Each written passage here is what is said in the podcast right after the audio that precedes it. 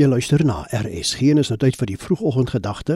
Dit word ver oggend aangebied deur Dominianus Roo van die NG Gemeente Gamtoosvallei Oos in Patensie in die Oos-Kaap. Dit is stil Saterdag soos wat ons as Christene hierdie dag noem en ek groet jou in die wonderlike naam van Jesus Christus die Here. Ons is verby Goeie Vrydag, die dag toe Jesus aan die kruis vir ons sonde gesterf het. En ons kyk so deur die oë van Markus na wat hier gebeur het. En ek lees daar uit Markus 15 van vers 42 af. Dit was Vrydag. Dit is die dag voor die Sabbatdag.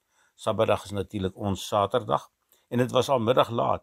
Josef van Arimatea, vooraanstaande lid van die Joodse Raad en iemand wat self ook uitgesien het na die koms van die koninkryk van God, kom toe daaraan. Hy het dit gewaag om na Pilatus toe te gaan en die liggaam van Jesus te vra. En Pilatus was verbaas om te hoor dat Jesus al dood is. Hy het 'n offisier laat roep en hom gevra of Jesus lankal gesterf het. Toe hy van die offisier verneem dat dit wel so is, het hy die lijk vir Josef gegee. Josef het 'n stuk linne gekoop, Jesus van die kruis afgehaal, hom in die linne toegedraai en neergelê in die graf wat in die rots uitgekap was. Hy het 'n klip voor die ingang van die graf gerol. Maria Magdalena en Maria die moeder van Jesus het gestaan en kyk waar hy neergelê word. Die Sabbat het geduur van Vrydag sononder tot Saterdag sononder.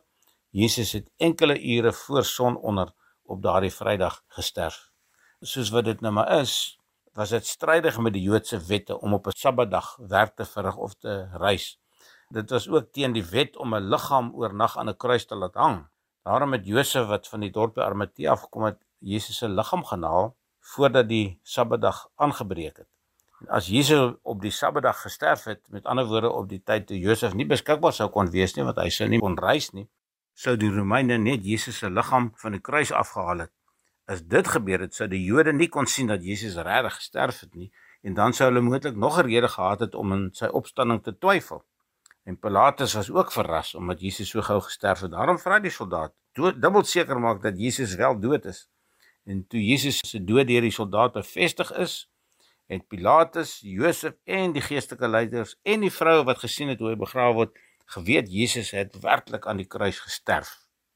Die vroue kon nie veel doen nie. Hulle kon nie eintlik standpunt inneem nie, maar hulle het by die kruis gebly nadat die disippels gevlug het en saam met Jesus se liggaam na die graf toe gegaan. Hulle die geleenthede wat hulle gehad het, het hulle benut en daarom was hulle ook die eerste wat gesien het dat die graf leeg is.